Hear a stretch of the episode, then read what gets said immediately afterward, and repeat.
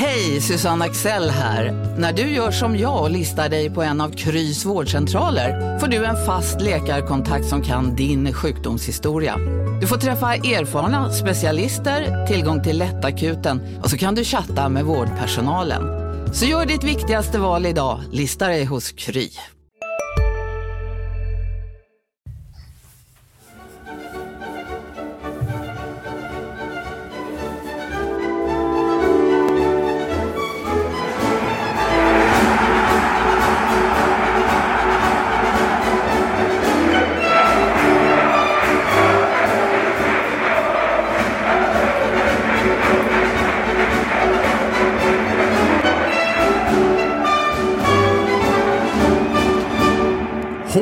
Kommer att få en betydligt bättre försäsong 2021. Det är efter att man besegrade Halmia i Svenska Kuppen med 3-0. Halmia förvisso ett bottenlag i division 2, men ändå, kanske kan det bli en boost för slutspurten i Allsvenskan, där ju HIF är indraget i den här jobbiga bottenstriden. Erik Persson, Maran Svab, är här och ska diskutera detta eh, och jag ska försöka bolla frågor, Mattias Hjelm.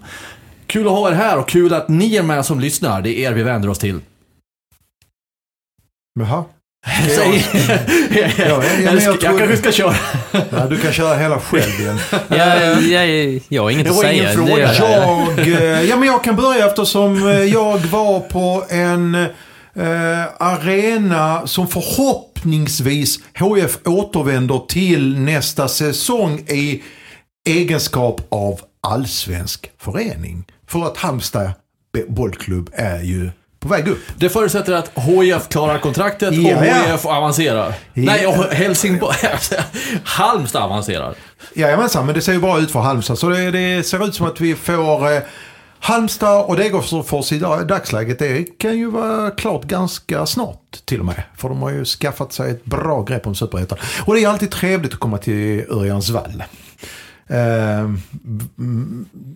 igår eh, var jag där på en cupmatch och det var också ganska trevligt. Småtrevligt. Lite så här småputtrigt. Och du fick ju se en stor seger. Det är ju inte alltid man gör med HIF den här men säsongen. det, var- det, det, det som var lite Men det var trevligt att sitta där även om man, man kände sig äh, att på förhand, efter ganska alltså få minuter, ganska få minuter så insåg man att ah, det här. Men det, det, det som jag tyckte var roligt är att Halmia kämpade på, de försökte spela sig fram. De slog inte bara liksom eh, ifrån sig utan de försökte, de kämpade och stod i fast en, eh, ja, det stod 2-0 i paus och utgången var ganska given.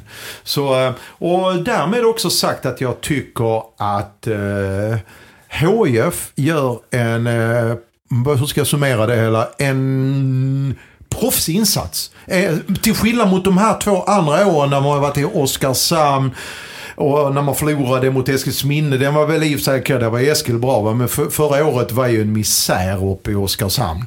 Eh, och nu så eh, var alla spelare inställda, de satte ner foten, det var inget snack om HF vill spela det här gruppspelet i vår.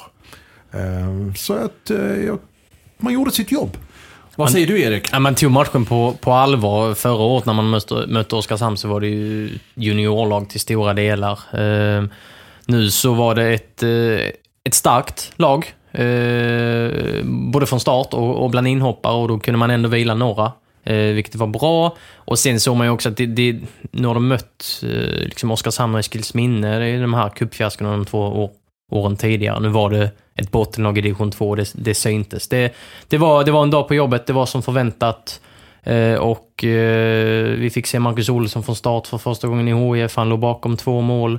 Shkodran Maholi fick några minuter också. Ehm, eh, och ja, de flesta eh, stäm, stämplade in eh, på, på ett bra sätt. Och Gero de Cupero. Ja, där fick du in den. Ja, han eh, fick ju lite islossning eller vad vi ska eh, säga. Han är ju ingen eh, klinisk målskytt om man säger så, men han höll sig framme. Han, Inblandade i alla tre målen. ja, absolut. Riktig poängmaskin. Sen hade han något skott som gick till hörnflaggan också, så att han blandar ju er som alltid. Men viktigt, eh, viktigt för honom. Men han gav mer än han blandade den här gången. Målskytt till 1-0, till 3-0 och sen då eh, det andra målet gjordes av Andreas Langgren. Ja, och Andreas Langen, det var ju också kul. Nu såg jag bara matchen på TV, men eh, glädjande att se honom. Det känns som att han kan eh, göra viss skillnad redan under den här hösten efter sin tuffa korsbandsskada. Han var ju fantastiskt bra förra året. Hade nog blivit årets HF om han inte hade blivit skadad. eh, Nu låter jag som 2019. hans agent, men det är jag inte alltså. Utan det där sköter Säg. nog Andreas själv nu för tiden tror jag. Eh, Det känns som han kan förhandla för sig Ja, själv. Ja, det känns absolut. så. Han, är vettig. Han slutar inte vid axlarna utan eh, det, är- det är en eh, begåvad pojk. Eh, och eh, jag eh, hade, jag, nu vet jag inte alls HFs eh, finansiella status, så vi får väl utgå ifrån att de har en liten pengapåse nästa år också. Men där är en spelare som jag eh, hade skrivit eh, förlängt med.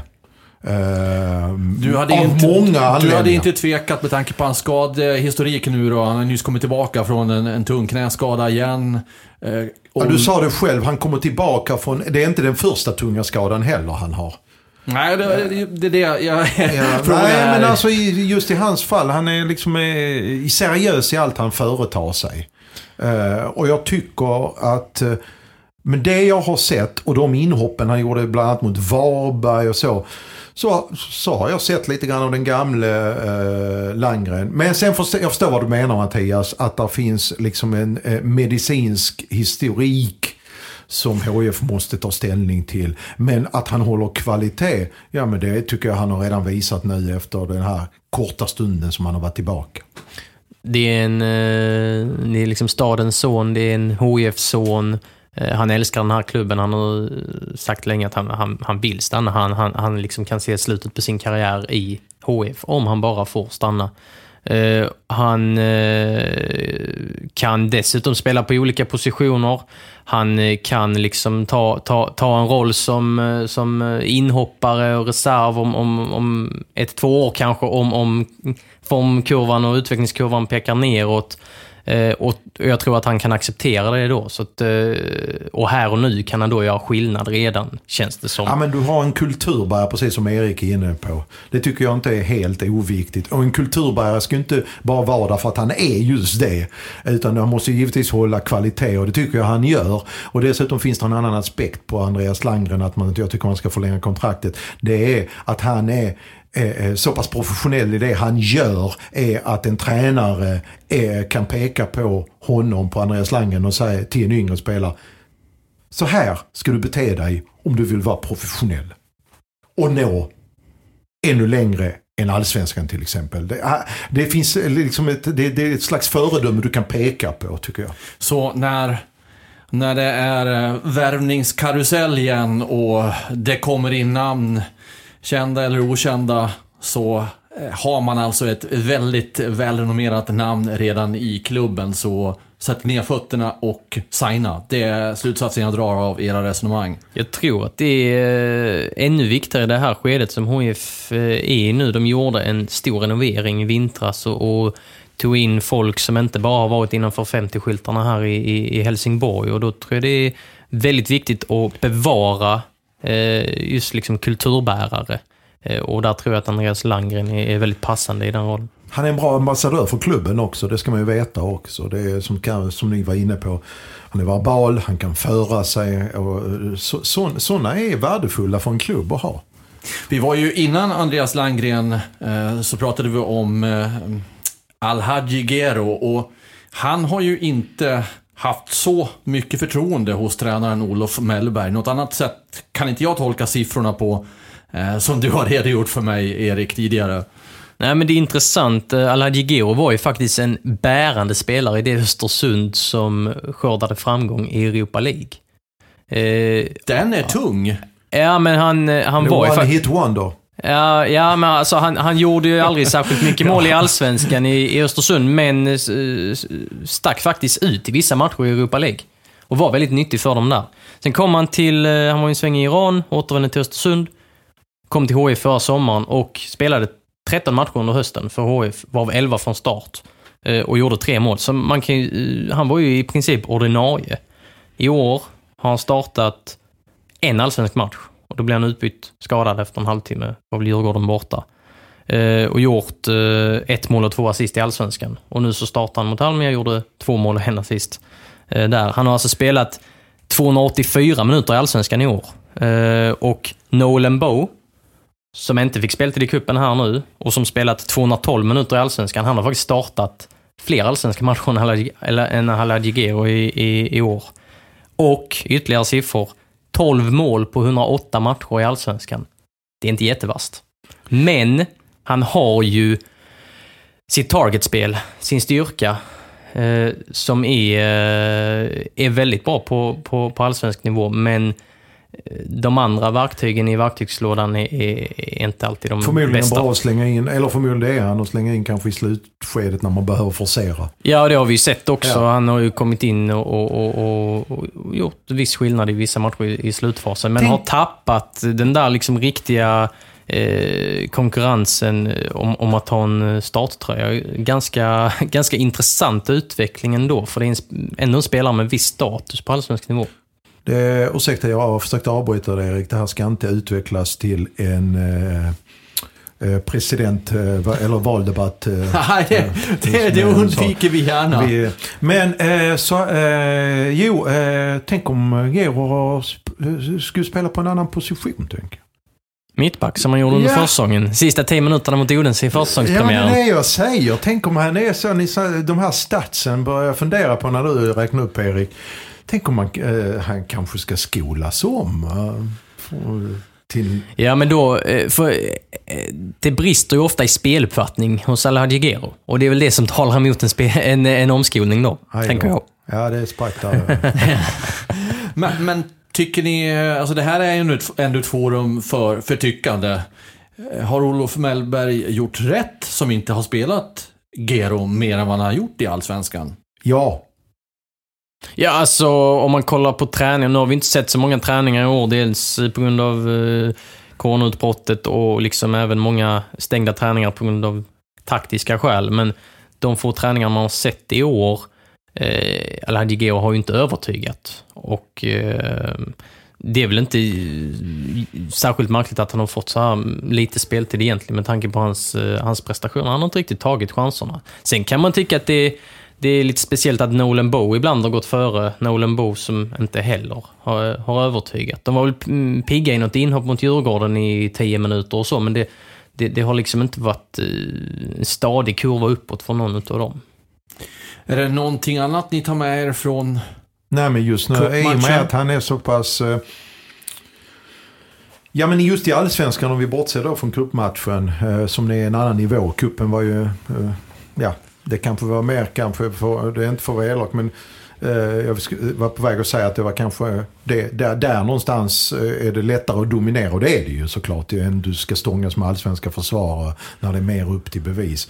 Men det är kanske så att du får använda honom i en sån väldigt begränsad roll som att kasta in när du ska behöva forcera med långbollar. Eh, andra boll in i straffområdet där det är bökigt och du ligger under med 1-0. Möjlig, i, i, i någon match som här nu mot Östersund när man gjorde. Tyckte han kunde gott kommit in tidigare än vad det kom in i 85-86. Det är den rollen och så, som det ser ut nu dessutom. De har eh, u- utifrån var HF ligger så har man en av allsvenska sen då liksom eh, mest stabila forward är Anthony van den Hurk ändå som producerar. Rasmus, Han har ju snart gjort lika många mål som Alhaji Geo har gjort i Allsvenskan under hela sin karriär. Ja. Och Rasmus Jönsson eh, har vaknat till liv och är lite grann av den gamla Rasmus Jönsson. Och, eh, ja, nej, Och men då- Max då- Svensson finns Max- Och. Timossi har faktiskt gjort Ja. väldigt bra sett till att han inte... Han har ju varit in och ut. Han har ju varit liksom som en tolfte man i det här laget känns det Jag som. kan inte säga att han, jag tror Olof Mellberg har gjort, eh, att du har valt fel i det läget och stoppat in Gero längre bak i kön. Det, det kan jag inte se utifrån det vi pratar om nu.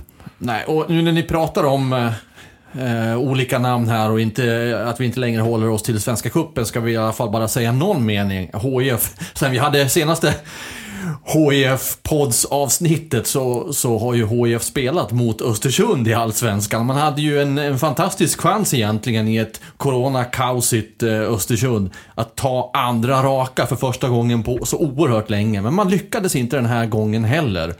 Eh, bara något kort om det eftersom det ändå har passerat nu. Östersund saknar väl knappt någon spelare heller. Det var väl bara Revan Amin som var långtidsskadad. Men, ja, men du vet det har vilka varit, eh, förutsättningar det var i Östersund. turbulenta dagar, men de kom med ett starkt lag, ska ändå sägas. Ehm, Nej, det är väl inte första gången Ali Keita spikar igen och, och att motståndarlag har svårt att och liksom spräcka nollan där. HIF skulle ju gjort mål. Rasmus Jönsson hade någon, någon chans där som... Ja, han uh, kanske fortfarande ligger vaken och tänker på det, jag vet inte. Men det var ju, det var ju en sån där liksom, jätteviktig match igen. De är ju inne i ett viktigt skede, så det var ju... Det var inte vad de behövde, men prestationen var, tyckte jag var bra och de skapar chanser och så, men det räcker icke. Men det är absolut, det är klart att de skulle haft eh, med sig mer från den här matchen. Men någonstans som man brukar säga, det här klyschiga lite grann är att det jämnar ut sig. Å andra sidan fick eh, HIF har fått med sig poäng i andra matcher där man inte skulle haft poäng. Jag menar segern hemma mot Norrköping. Göteborg borta där man var helt utspelad.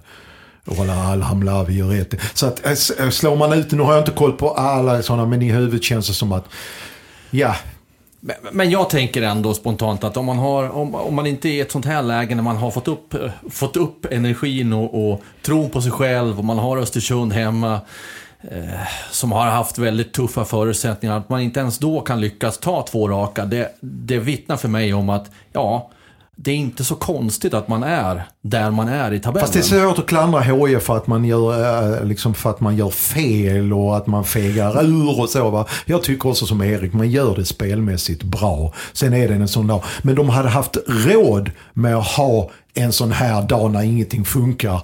Om man hade istället eh, slagit Kalmar hemma tidigare. När man hade exakt samma övertag men man slutade spela efter 60 minuter. När man hade Örebro hemma och man också fick kryssa det där bara. Då hade man haft råd att ha en skitbra match som man hade här mot Östersund och ändå sumpa den. Så det, någonstans har man de poängen man har. Det, det, det, det är nog ganska rättvisande bild av att HF ligger där man ligger. Jag vet Ja, plus att Östersund är alltså, bättre än vad vi tror. Vi underskattar dem i år. De är, de är faktiskt bra. Eh, ett av de formstarkaste lagen och det har verkligen hänt något med dem sedan tränarbytet. Så att, eh, vi, vi, vi ska inte liksom tro att det var... Det, ja, men, det är inget enkelt lag att, att besegra just nu. Inget poddavsnitt utan Armin Gigovic som en av rubrikerna. Får jag, får jag säga, ta en kuppgrej till? Det är ju faktiskt, vi kan ju faktiskt få ett roligt derby här till eh, inleda försäsongen med i nordvästra Skåne. Ja, jag, jag var ju på Landskrona IP och såg Landskrona Boys avgöra i 92 minuten mot Öster. Det hade och... varit smaskens med en eh, på IPs konstgräs i februari att se Landskrona mot HF. Och de kan ja. hamna i samma grupp. Ja, och, Jajamän, och känns... då har det lägre laget har ju hemmaplan då ju. Och det känns som boys, alla boysar hoppas på HF eller eh, MFF och eh, HF hoppas väl också på boys. Så att, eh, och vi, jag vet inte riktigt och vad de också. gör. Ja, det hade varit kul att bevaka. Eh, sen Alla vet jag inte... Det. Sen det är bara att vi skickar på, eh, vad heter det, framställan till förbundet så att alla får som de vill. Ja, sen, sen, vet jag inte hur corona påverkar här. Det kanske blir någon form av eh, geografisk eh, liksom, lottning så, så det kanske talar för att det faktiskt blir så. Vi får väl se till att bollarna, lottningsbollarna är olika tempererade. då så, nu då. Nu går vi över till Armin Gigovic. För han är i ropet. Alltid i ropet. Vad är det senaste och vad händer? Ja, alltså nu har ju italiensk eh, media, som så många gånger förr under, under det här året, skrivit om Armin Gigovic. Eh, Toto Marcato Webb skrev att eh, Genoa är, är nära ett köp av, av 18-åringen och, och liksom uppgifterna säger att det ska handla om en affär i, var det 37 miljoner, 39 miljoner, näst, nästan 40 miljoner. Uh, och, och, det har ju varit ihärdiga rykten hela det året. Det känns som att man har varit nära ända sedan vi eh, drog igång eh, den här säsongen. Ja, sen under torsdagen så, så kom uppgifter, också italiensk media, om att Monza, en storsatsande Serie B-klubb där Silvio Berlusconi faktiskt är verksam, uh, ska ha lagt ett bud också. Och tidigare har han ju kopplats samman med Anderlecht, Wolverhampton, CSKA Moskva och i viss mån Arsenal och Manchester City. Så att det kommer nya, nya rykten hela tiden och, och det internationella transferfönstret stänger nu på måndag den 5 oktober. Ligger det någonting i det här? Det brukar ju oftast vara ordspråket ingen rök utan eld. Det vi vet är fakta är att eh, HIF har tackat nej till ett skambud tidigare. Uh, uh, Det, det, eh, och, utan att veta vilken klubb det var. Men det, det, det är de uppgifterna att man har tackat nej. Det var för dåligt och det var tidigare, det var eh, i somras någon gång. Det senaste vi har här väl nu uppgifterna är ju att eh, HF har inget bud att ta ställning till. Men att, sur, att det ligger i, eh, kanske någonting i det här allt surret runt omkring.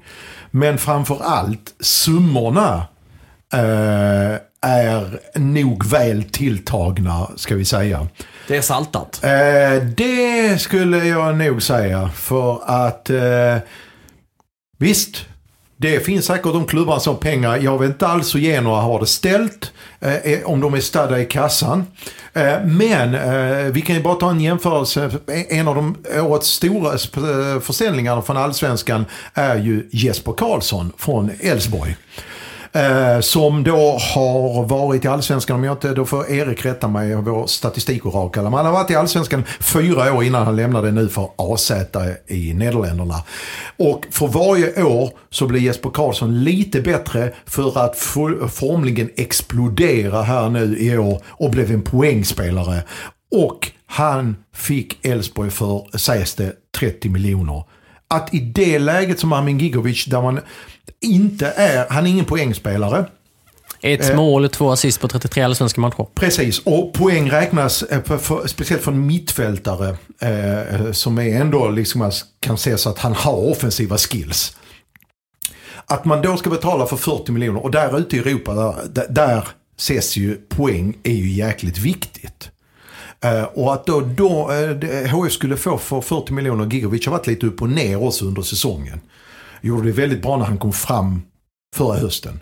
Och sen har det varit lite upp och ner under året här liksom. Det är först nu på slutet ja, det, har de sig. två senaste allsvenska matcherna har väl varit ja. hans bästa ja. i år. Jag har mycket svårt att säga. Om, som sagt, de uppgifterna man pratar med folk inifrån, liksom, som med, har näsan inne i HIF är ju att det rör sig inte alls om de här summorna upp mot 40 miljoner. Vad rör det sig om då?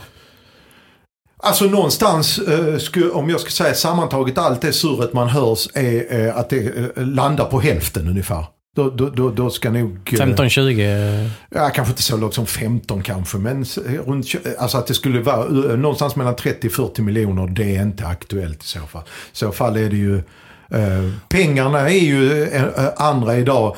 Ta djur, jag menar, Djurgården drog väl jackpotten när de precis innan pandem, pandemin fick 50 miljoner för Danielsson i fjol.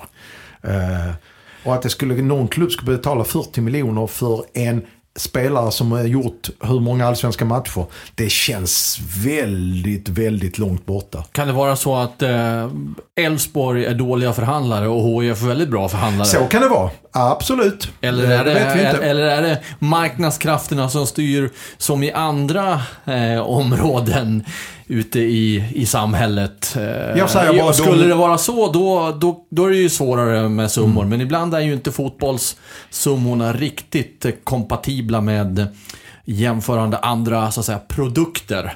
Eh, Nej, jag vet inte. Det kan Nej, ju skilja sig rätt. Det är ju många mellanhänder också i liksom dagens fotbollsindustri. För det är en industri, så det är inte så att eh, liksom 40 miljoner skulle gå ner i liksom, HFs, eh, på HFs Men det hade varit bra om det hade kommit upp i den här summan. För då hade man kunnat liksom rensa bordet från gamla skulder till Resursbank och eh, Olympia Invest och allt. Alltså det hade ju varit... Eh, perfekt för HIF att få den eh, pengen. Men jag tror inte det kommer stanna där. Sen ur, landa, landa där. Sen ur Armin Gigovic perspektiv, ska han, ska han flytta utomlands nu? Han en Serie A-spelare nu? Uh, känslan är väl att han borde etablera sig ytterligare i, i, i allsvenskan och göra mer skillnad än, än vad han faktiskt gör. Och det kan man ju känna lite med Jesper Tollinsson som uh, lämnar IFK Göteborg från en belgisk klubb där i andra ligan som uh, väl ingår i något mm, Manchester City-bolag eller ja, så som fotbollsvärlden tyvärr, tycker jag, eh, fungerar nu för tiden. Och då blir man ju lite ledsen. Eh, för att... Har du också valt att bli egen? Då är det viktigt att skaffa en bra företagsförsäkring. Hos oss är alla småföretag stora och inga frågor för små. Swedeas företagsförsäkring är anpassad för mindre företag och täcker även sånt som din hemförsäkring inte täcker. Gå in på swedea.se företag och jämför själv. Hej, Synoptik här. Hos oss får du hjälp med att ta hand om din ögonhälsa. Med vår synundersökning kan vi upptäcka både synförändringar och tecken på vanliga ögonsjukdomar. Boka tid på synoptik.se. Ja, det känns som att Amin Gigovic behöver lite mer allsvensk rutin innan han kan flyga, flyga ut. I fjol sålde ju, eh, såldes ju faktiskt en spelare från Göteborg för 40 miljoner till Belgien. Minns ni? Benjamin Nygren, ja. Nigren. Men- Hur har det utvecklats där? ja och det var en annan tid ska vi säga. Det var en annan tid, ja. Ja. Och, och han var ju verkligen ja, men, typ dominant. Och som du nämnde med Jesper Karlsson, liksom poängspelare. Och det Gjorde fanns mål. pengar fortfarande i de här klubbarna vi pratar om nu på den nivån. Ja, ju. Och, och där och då liksom eh, kunde han ju gå in och, och, och faktiskt göra mål i belgiska ligan och, och var väl med i någon Champions League-trupp och han tillhörde u landslaget Armin Gigovic är inte ens med i u landslaget Han ska på någon landslagssamling, han och något träningsläger eller vad det är med P18-landslaget. Sen är det ju det- frågan om man ska till serie B. Vad ska man i serie B att göra? Ja, det, ja, det snackas Ja. ju både om Serie B och Serie A. Genoa ligger ju i Serie A. Nej, det, det kan man ju undra. Så man ska inte glömma, glömma hans eh, perspektiv i det hela också. Är det verkligen rätt karriärsväg att ta just nu? Vet inte. Men det vi lär veta nästa gång vi spelar in HIF-podden, det är att fönstret är stängt och innan dess har det ju kommit något besked. Antingen är han kvar eller så är han inte det. Vi ska ju veta det att eh, som vanligt så händer allt de sista timmarna. På, eh, det såg vi ju nu när HF tog in folk, eh, bland annat nu sommarfönstret, det svenska sommarfönstret. Ja, och italienska klubbar eh, gör ju för vana att värva eh, från all världens olika hörn och, och sen så placerar de vissa nyförvärv i lite mindre klubbar och, och, och så. så att på så sätt vore det inte konstigt om de liksom sneglar hitåt. Ja. Genoa är ju en sån klubb som, som av tradition tar in väldigt, väldigt många spelare och liksom har ja, men typ så 50 spelare under kontrakt. Eh, Udinese hade ju, har en annan klubb som har den Ja. affärsidén. Och i princip så blir spelarna en, en, en, en var, en spe, där man kan spekulera. Det är liksom en aktiemarknad. Blir det någonting så att vi kan göra en rejäl vinst på det genom att sl- liksom fine. Ja, och där vet ju Andreas Landgren hur det är, för han har Just det. tillåt Udinese. Man undrar om eh, Armin Gigovic går och, och, och frågar om eh, råd där, för det finns ju ganska många i HIFs omklädningsrum som man kan fråga. Hur Granqvist. funkar...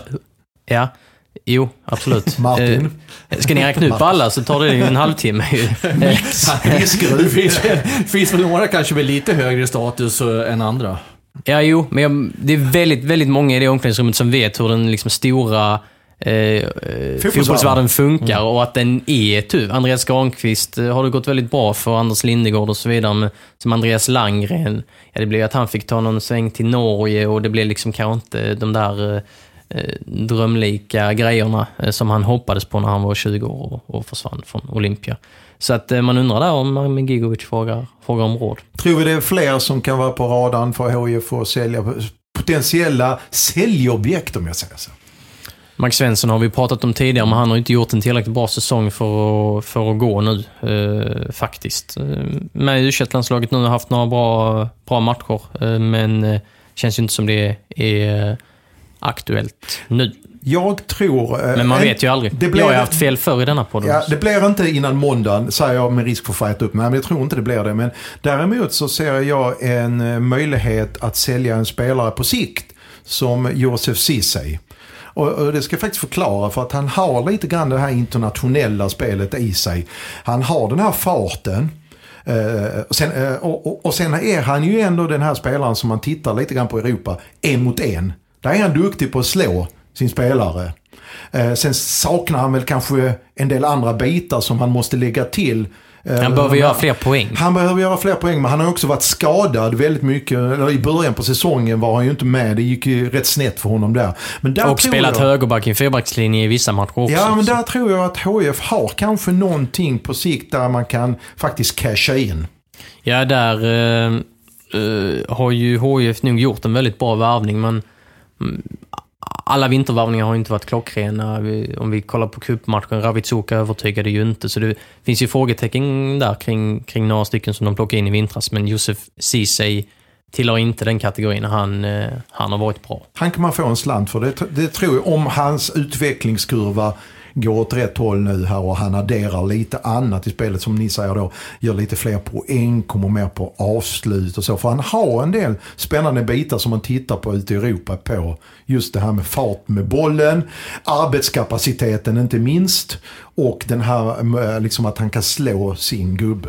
Ja, till skillnad från Max Svensson eh, så har han ju faktiskt en styrka och en genombrottskraft på ett annat sätt. Man har ju sett Max Svensson mot lite skickligare motstånd ganska många gånger att de skickliga försvar plockar undan honom. Han väger för lätt. Han klarar inte av det riktigt. Och det funkar ju inte om man ska ut i Europa. Josef Ceesay kan stå upp rent fysiskt på ett annat sätt, eh, känns det som.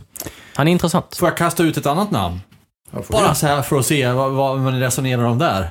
Ni står här nu, vad, vad ska Hjelm komma med nu då? Ian Pettersson eller? Ja, Eh, jag tror det är snyggt. Ja, ja, men det är väl inte... Jag ehm, eh, är lite nyfiken på vad som händer med honom inför nästa säsong. HIF har ju tre seniormålvakter under kontrakt. Anders Lindegard, eh, Kalle Olsson, Alexander Nilsson. Eh, Ian Pettersson tillhör U19-laget och Sven Andersson, målvaktstränaren, var ju ganska tydlig i en intervju nu häromdagen att de ser Ian Pettersson som en juniormålvakt fortfarande. Han har gjort det fullt godkänt nu när han hoppat in här. Men han ska liksom gnugga på i U19-sammanhang. Och då undrar jag, hur tänker Ian Pettersson då? Han har fått känna på, på hur det är på den allsvenska scenen. Det är säkert några klubbar som har hört av sig. Han eh, har en väletablerad eh, agentfirma bakom sig. Så att jag tror att det finns intresse från andra, andra allsvenska klubbar och eh, eh säkert superettan-klubbar också. Och ja men, eh, han är ju en målvaktstyp som liksom eh, man lätt hade kunnat stoppa in i IFK Norrköping exempelvis. Som har Isak Pettersson, som är en ja, men liknande typ. Säg inte att det är en Petter... Eh, sa jag Isak Pettersson? Ja, det Ja, tror det jag. sa jag va? Ja. Ian Pettersson är inte liksom allsvensk nu. Men IFK Norrköping hade kanske kunnat stoppa honom i Sylvia i division 1. Flytta upp Felix Jakobsson, Andreas Jakobssons grabb för övrigt, i A-laget när Isak Pettersson flyttar till nästa år. Hänger ni med? Ja, jag är Ja. helt med. Mm. Jag är helt med. Så, så jag tror att det finns en del ögon på, på Ian Pettersson. Nu vill jag göra en liten utstickare här. Om det var det Mattias Hjelm undrade med hur det blev med utlandsäventyret så är jag desto mer skeptisk av en, en enkel anledning. Målvakter har väldigt svårt för att komma ut. Ja. Kolla på Per Hansson, som Ja. var så bra så, så länge. Ja. Det blev, vad blev det? Ett år i Feyenoord. Nej, det är ju en eh, tuffare position, position att lyckas med det. Nu vill jag göra en utstickare här. För igår, eh, på onsdag lunch, så satt jag ute och käkade här i Helsingborg. Och mitt i lunchen så kom det fram en, en ja, man. Ja, man är han ju definitivt. det lät tveksamt. Nej, han är definitivt man. Men, men jag, jag kan inte riktigt placera ålder på honom. Men hur som helst, det som är min poäng. Det var inget att- barn alltså? Nej. Nej. Han, han sa, det är du som är Mattias. Va? Ja, det stämmer, så jag. Ursäkta att jag stör. Ja, det är lugnt. Och så började han prata med mig. Jag slår det ner, sa jag. Så satt vi och snackade medan jag käkade. Och han, han jag frågade, okej om jag tar upp det här att, eh, ja, berätta som jag gör nu då. Och det var det. Och det han, han, han hade ju stort behov av att prata av sig, prata med någon. För han är en inbiten HIF-supporter och känner att det, det är ett sånt stort hål någonstans som behöver fyllas. Och sen var han fundersam över... I, i, hos honom alltså? Hos honom. Stort, ja, alltså. just det här med live, allt kring livefotbollen, att vara på plats och, och surret kring det. Och det här när, när supporterna bildar en, en enhet och tillsammans är man starka någonstans. Eh, och, och han var fundersam på vad händer efter pandemin? Eller när pandemin har Aha. släppt sitt grepp som det är just nu då, så att supportrarna får gå igen. Kommer supportrarna i samma omfattning att gå till Olympia?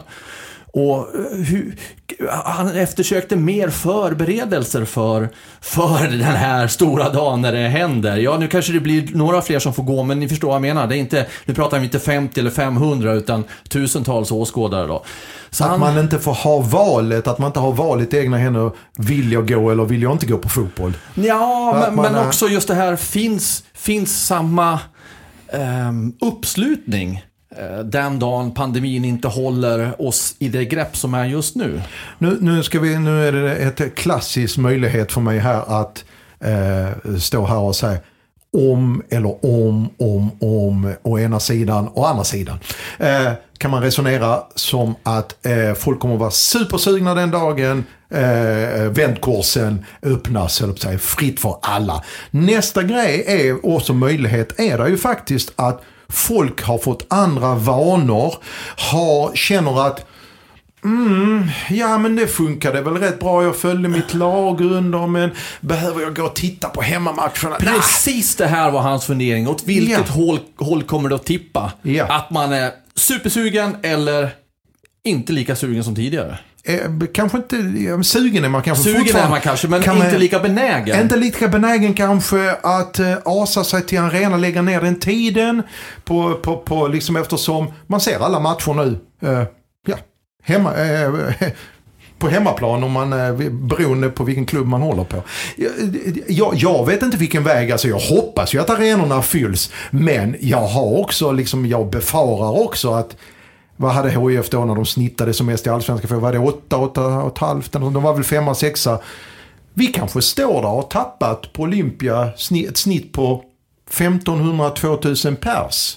Eh, vilket är fullt möjligt. Jag tror inte det halveras och vi är nere på 4000 kanske. Men att, att, att, att eh, risken finns att man tappar eh, publik, det tror jag faktiskt. Alltså. Möjligt att man i början när det är liksom, eh, beroende på vilka, liksom, derby kommer ju alltid dra sig och storlagen. Men att man kanske första matchen känner att ah, men nu var det så länge sedan så nu går vi. Nyhetens behag första två. Sen så blir det en vardag där också. Och där, där hade man ju så velat säga att ja, men det kommer ju se ut så hela säsongen. Folk kommer vara så nällade. Jag är inte säker på det. Nej, jag är inte säker heller. Och sen ehm, den här pandemin, eh, men det får ju också konsekvenser, mm, ekonomiska konsekvenser. Vi pratar ofta det om klubbar och så, men även på privatekonomi och sånt. Visst, det finns människor som blivit av med sina jobb och så vidare. Då kanske man prioriterar annat än att gå på allsvenska matcher och så. Eh, just när det kommer till ekonomi, eh, absolut är det så. Samtidigt så uttryckte han sig på det här sättet att alltså vi, vi supportrar, vi har ju han använde ordet tjäna, tjänat tusentals kronor den här säsongen. Men han sa det inte i en positiv eh, benämning, utan menade på att de här pengarna behöver HIF. Det är inte bra att vi har tjänat de här pengarna, är ni med? Fast eh, det, årskortsinnehavare, de, de flesta i Sverige, liksom en stor majoritet har ju skänkt de här årskorten till klubbarna. Jo, men det, det är ju en del annat när man väl är på arenan också. Man köper det ena och det andra och, och äter Ja, och så vidare. ja. Så. Ja, precis. Ja, okej, visst, absolut. Eh, De som inte har årskort, alltså de marginalerna, de, de, de tappar du ju liksom i ekonomin.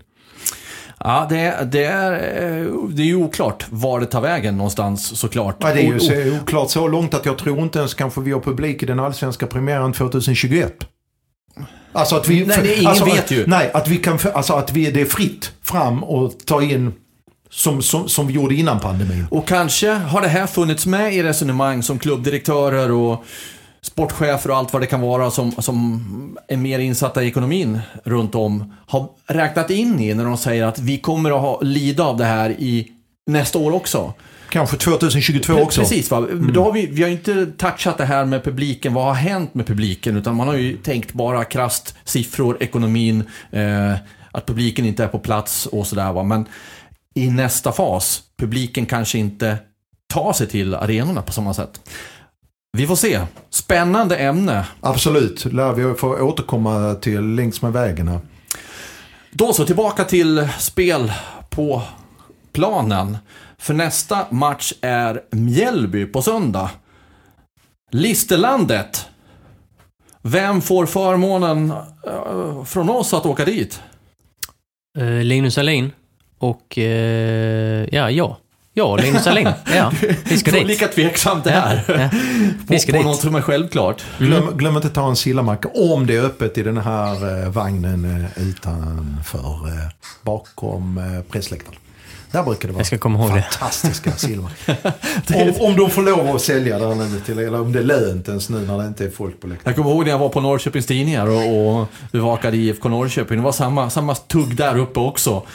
Ah, Jag vill åka dit, jag vill äta där och där. Jag vill ha det där. Så det är ju känt. Men det är otroligt charmigt att komma till, eh, heter det fortfarande Strandvall eller det heter något? Eh, Strandvallen. Ja. Eller, Vilket också är befriande att de inte heter något. Energi, eh, Ja. någonting. Eh, men i alla fall, senast jag var på Strandvallen då satt jag med eh, Patrik Ekwall bredvid mig. Var på två stycken kepsargubbar vänder sig om och undrar på... Jag kan inte prata på den här dialekten, det, eh, men som bara vänder sig om. Hörrni, ni, ska ni inte ha ungefär? Varpå de har hållit fram en en och en halv liters petflaska, Fantaflaska. Där eh, vätskan i den var genomskinlig. Så det var inte Fanta, det vet jag. Så, nej, men de tyckte gott att de kunde bjuda. De var gentiler, det var väldigt, väldigt, väldigt kul alltså. Eh, så fick ju, ja, vi fick ju säga, nej vi jobbar liksom så va, men tack, tack. Så, så är det på Sandvallen.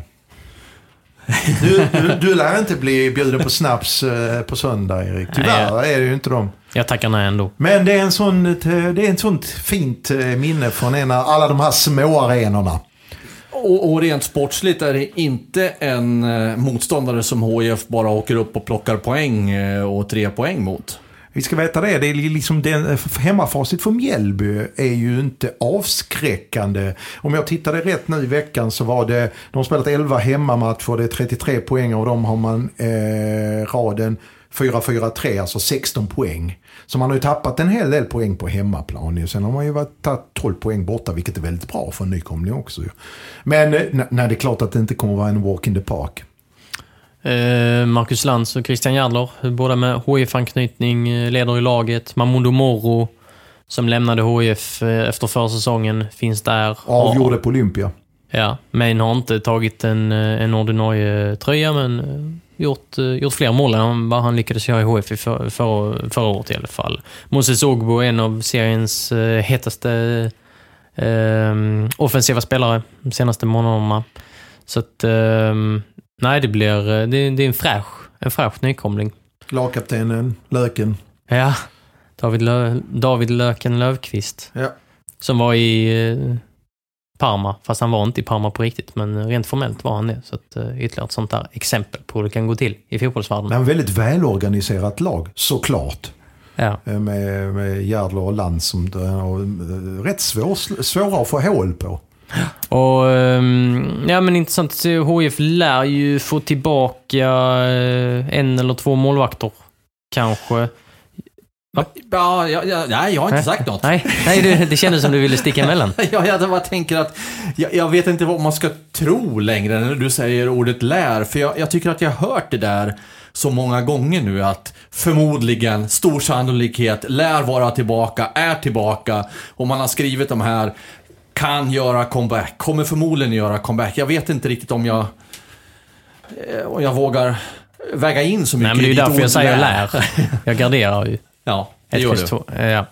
Ehm, Men nej, man, man vet ju absolut inte. Men Anders Lindegård eh, ligger, om det var åtta veckor sedan skadan nu ungefär. Det var väl det läkaren hade sagt att det skulle ta. Eh, och sa häromdagen när han var på Olympia att nu, nu är det nära. Sen om det var sanning eller inte, det, det, det vet jag inte. Eh, men det tror jag. Eh, jag stämde av lite med Alexander Nilsson i tisdags. Och han eh, har ju varit sjuk, det var därför han missade matchen mot Östersund. Och han var inte med i kuppen heller. Och han har blivit testad för covid-19 och hoppades då när vi pratade lite snabbt i tisdags att han skulle vara tillbaka i träning i slutet av veckan. Så att, um, ja, hans ambition är väl då att kunna vara med i en trupp på söndag också. Andreas Granqvist är en, en annan som det har pratats om comeback länge nu.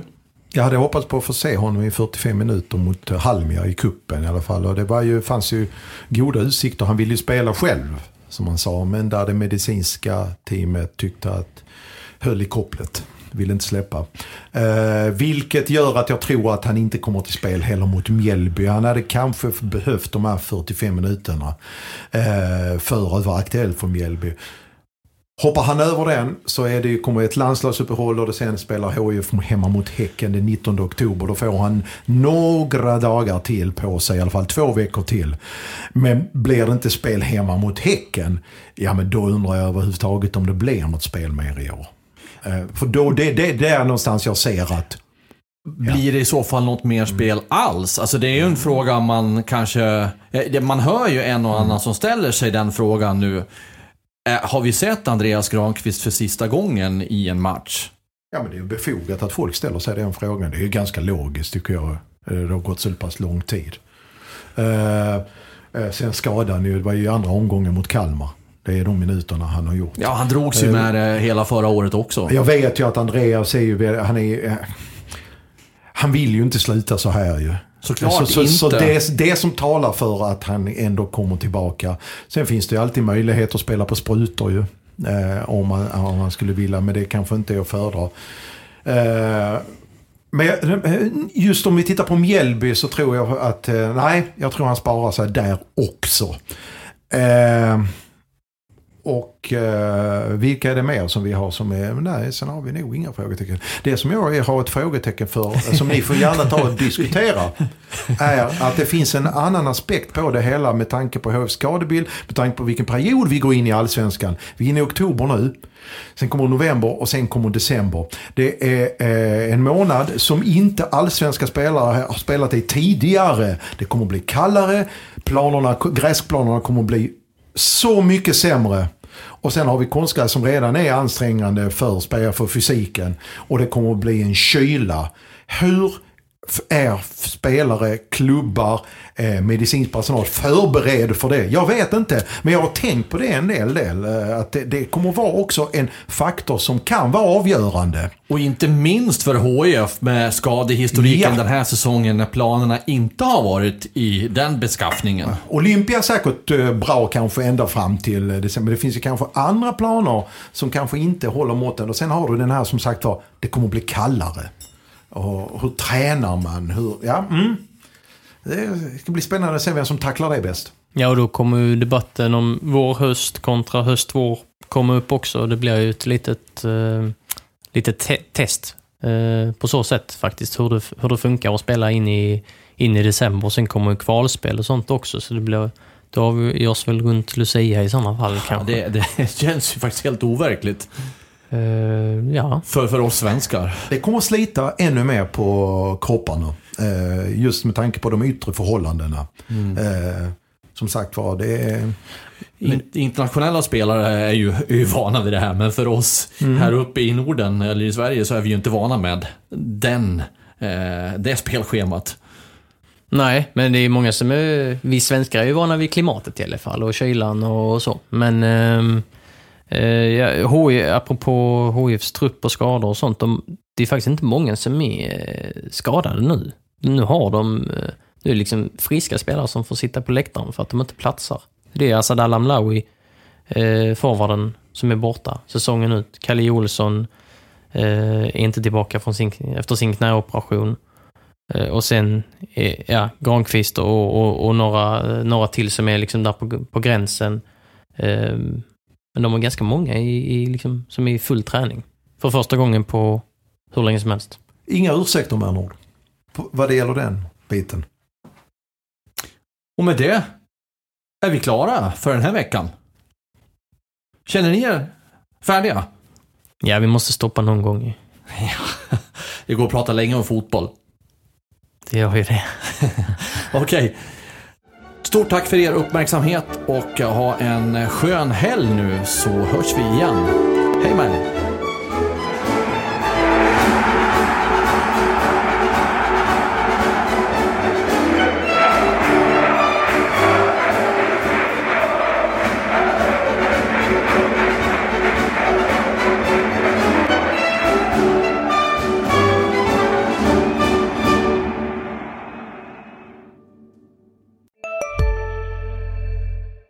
Välkommen till Maccafé på utvalda McDonalds restauranger med Baristakaffe till rimligt pris. Vad sägs om en latte eller cappuccino för bara 35 kronor? Alltid gjorda av våra utbildade baristor. Ska några små tassar flytta in hos dig? Hos Trygg Hansa får din valp eller kattunge 25% rabatt på försäkringen första året. Läs mer och teckna djurförsäkringen på trygghansa.se. Trygg Hansa, trygghet för livet.